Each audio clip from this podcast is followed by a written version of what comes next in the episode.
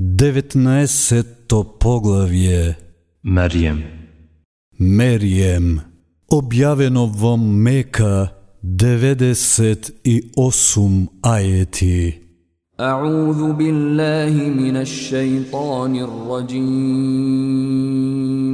بسم Во الله името на الرحمن Аллах, الرحيم. семилосниот, милостивиот. كافها يا عين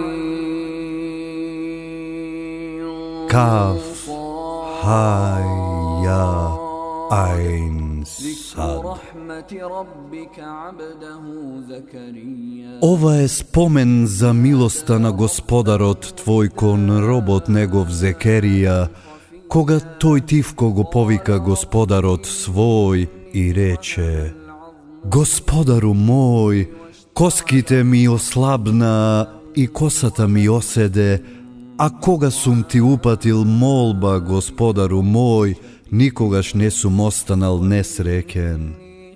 Се плашам од роднините мои по крв, после мене, а жена ми е неплодна, затоа подари ми наследник од себе, да ме наследи мене и семејството Јакубово, и стори, Господару мој, да бидеш задоволен од него. О, Зекерија, ти јавуваме радосна вест дека ќе ти се роди момченце, името ќе му биде Јахја, пред него никого не сме направиле нему сличен. Господару мој, рече тој, како ке имам син кога жената ми е неплодна, а веќе длабока старост доживеав. Ете така, рече, Господарот твој рече, тоа ми е лесно, и тебе предходно те создадов, а ти не беше ништо. Господару мој, рече, дај ми некаков знак. Знак ке ти биде тоа што три ноки со луѓето нема да разговараш, а здрав ке бидеш. И тој излезе од михработ кон народот свој и со знак им даде на знаење. Славете го наутро и навечер. О, Јахја, прифатија книгата одлучно, а му дадовме мудрост уште додека беше момче, и нежност и крепост и богобојазен беше, и на родителите свој добар им беше и не беше дрзок и непослушен. И нека е мир над него, над денот кога се роди, и над денот кога умре, и над денот кога од мртвите ке стане. И спомнија Мерием во книгата, кога од домашните своји на источна страна се повлече и од нив се прегради, ние кон неа мелекот Джибрил го пративме и тој и се покажа во лик на совршено создаден маж. Барам заштита кај се милосниот од тебе, ако од него се плашиш, повика таа. А јас сум токму гласник од господарот твој, рече тој. Да ти подарам момченце чисто. Како ке имам син, рече таа, кога ниту еден маш не мени допрел, а јас не сум блудница. Тоа е така, рече тој. Господарот твој рече, тоа ми е лесно. И за да го направиме знак на луѓето и милост од нас, неговиот случај е веќе однапред одреден. И таа го зачна и бремена се тргна некаде далеку. И породилните болки ја присилија да дојде до стеблото на една палма. Камо среќа порано да умрев и целосно во заборав да паднев, повика таа. И тој под неа ја повика. Не тагувај, Господарот твој даде подолу од тебе поток да потече. Затреси го палминото дрво, ке истури по тебе урми свежи, па јади и пиј и биди весела. А ако видиш некој човек, кажи, Јас му се заветував на семилосниот дека ке молчам и денес со никого нема да зборувам. И таа дојде со него кај народот свој, носејки го. О, Мерием, рекоа тие, нешто нечуено си сторила. Еј ти, која според моралот наликуваш на Харун, татко ти не беше никаквец, а ни мајка ти не беше блудница. Таа него им го посочи, како да зборуваме со дете во колевка, рекоа тие. Јас сум Аллахов роб, рече тој. Тој мене книга ке ми даде и веровесник ке ме направи и ке ме направи благословен каде и да бидам и ке ми нареди се додека сум жив намаз да извршувам и зекјат да давам и кон својата мајка добар да бидам, а нема да ме направи силник, несрекник. И нека е мир над мене, над денот кога се родив, и над денот кога ќе умрам, и над денот кога од мртвите ќе бидам проживеан. Тоа е Иса, синот Мериемин, тоа е реалната вистина за него, тој во кого тие се сумневаат. Незамисливо е Аллах да има дете, возвишен е тој.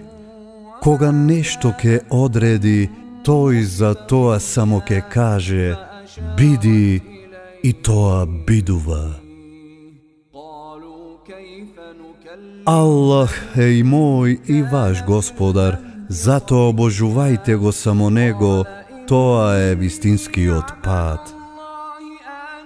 И следбениците на книгата во мислењето за него се разделија, па тешко на тие што не веруваат кога на денот голем ќе бидат присутни.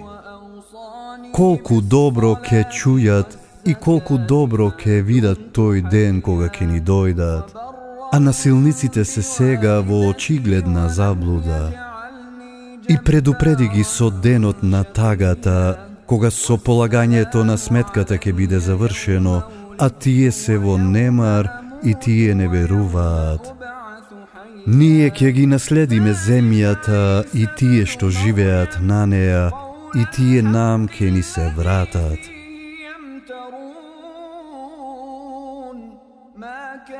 Спомни го Ибрахим во книгата. Тој беше вистинолюбив веровесник. Кога му кажа на таткото свој, О, татко мој, зошто го обожуваш тој што ниту слуша, ниту гледа, ниту може од каква било корист да ти биде? О, татко мој, мене ми доаѓа знаењето, а не тебе. Затоа мене следиме и јас на вистинскиот пат ке те упатам. О, татко мој, не му се покорувај на шејтанот, шејтанот секогаш му е непослушен на семилосниот. О, татко мој, се плашам да не те стигне казна од семилосниот, па да му бидеш пријател на шејтанот. Неговиот татко рече, Зарем ги мразиш божествата мои, о Ибрахиме? Ако не престанеш, со камења ке те избаркам, затоа напушти ме на подолго време. Мир со тебе, рече Ибрахим. Ке го молам Господарот свој да ти прости, затоа што тој е многу добар кон мене и ке ве напуштам и вас и сите тие што ги обожувате покрај Аллах и Господарот свој ке го молам. Се надевам дека нема да бидам несреќен во молбата кон Господарот мој. Бидејќи ги напушти нив и тие кои освен Аллах ги обожуваа, ние Исхак и Јакуб му ги подаривме и двајцата ги направивме веровесници и секакво добро им подаривме и направивме да бидат фалени и по-добро спомнувани. И спомни го Муса во книгата. Тој беше одбран и беше пратеник, веровесник.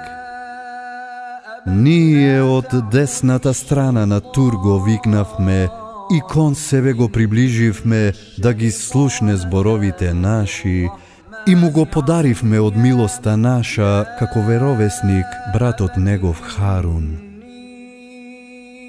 Испомни го Исмаил во книгата. Тој го исполнуваше даденото ветување и беше пратеник, веровесник. Му наредуваше на семејството свое намаз да извршува и зекат да дава и господарот негов беше задоволен од него. Испомни го Идрис во книгата. Тој беше вистинолюбив, веровесник и ние на високо место го кренавме. Тоа се веровесниците кои што Аллах со благодати ги обсипал, потомци на Адем и на тие кои со Нух ги носевме, и потомци на Ибрахим и Израил, и на тие кои ги упативме и ги одбравме. Кога аетите на семилосниот им се рецитираа, тие на сеџда се спушта и плачеа. Нив ги сменија поколенија кои намазот го напуштија и по страстите тргнаа, тие пропаста ќе ја сретнат, со исклучок на тие што се покаја и верува и добро правеа, на нив никаква неправда нема да им се направи, тие во дженнетот ке влезат. Во еденските градини кои се милосни од наробовите своји им ги вети, затоа што во нив верувале, а не ги виделе, а ветувањето негово на вистина ке се исполни, во нив празни приказни нема да слушаат, туку само мир. И во нив наутро и навечер снабдувани ке бидат. Ке му дадеме таков дженнет да наследи на тој од робовите наши, кој од гревовите ке се чува. А ние слегуваме само по наредба на Господарот Твој. Нему му припаѓа тоа што е пред нас и тоа што е зад нас и тоа што е помеѓу. А Господарот Твој не заборава. Тој е Господар на небесата и на земјата и на тоа што е помеѓу нив, затоа само Него обожувај го и истрај во тоа. Дали знаеш некого кој му е сличен? Човекот вели, Зарем, откако ке умрам, на вистина оживеан ке бидам? А зарем човекот не се сеќава дека уште предходно го создадовме, а дека не беше ништо? Се колнам во Господарот Твој, ние и нив и шејтаните ке ги собереме, потоа ке ги донесеме околу джехеннемот на коленици да клечат, а потоа од секоја група ке ги издвоиме тие што беа најдарски кон семилосниот, бидејќи ние најдобро ги знаеме тие што најмногу заслужија во него да горат. И секој од вас до него ке стигне. Господарот твој сигурно така се обврза. Потоа ќе ги спасиме тие што се чуваа од гревот, а насилниците ќе ги оставиме во него на коленици да клечат. Кога нашите јасни ајети им се цитираа, тогаш тие што не верува им говореа на тие што верува. Која од овие две групи е со подобри домови и со поубави собиралишта? А колку народи пред нив ние уништивме, кои со богатство и со изглед беа подобри? Кажи, на тој што е во заблуда, се милосниот нека му ја продолжи заблудата. Но кога таквите ке доживеат опомените да се остварат, било казната, било крајот на светот, на вистина ке дознаат кој е во полоша состојба и кој има помалку следбеници. Аллах ке им го зголеми упадството на тие што се на вистинскиот пат, а добрите дела кои остануваат вечно од Господарот Твој ке бидат подобро наградени и поубаво возвратени. Зарем не си го видел тој што во доказите наши не верува и вели, сигурно ќе ми биде дадено богатство и деца.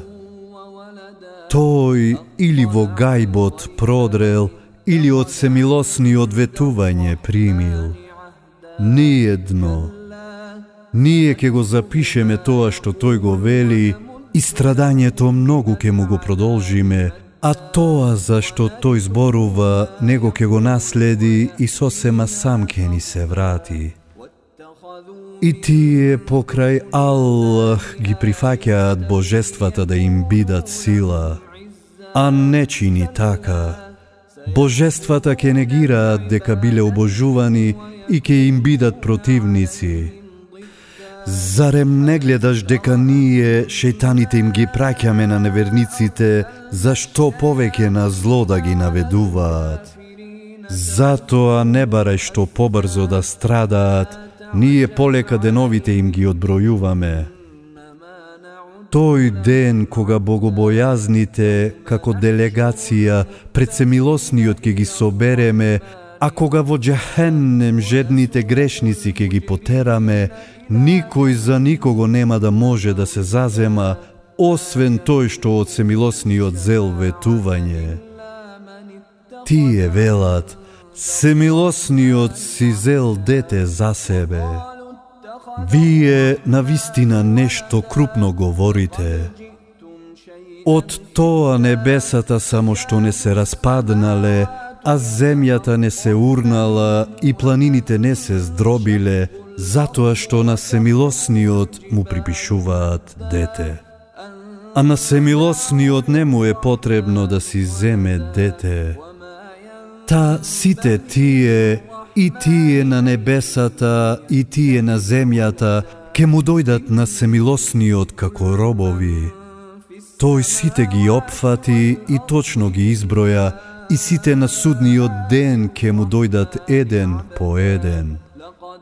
Тие што веруваа и правеа добри дела, семилосниот сигурно ке ги направи сакани. Ние Куранот го сторивме лесен на твој јазик, за со него да ги израдуваш тие што од Аллах се плашат и од гревови чуваат, а да ги опоменеш непопустливите и наечи. А колку само народи пред нив уништивме, дали кој било од нив гледаш i da li najslabiji otniven glas go slušaš. هل تحس منهم من أحد أو تسمع لهم ركزاً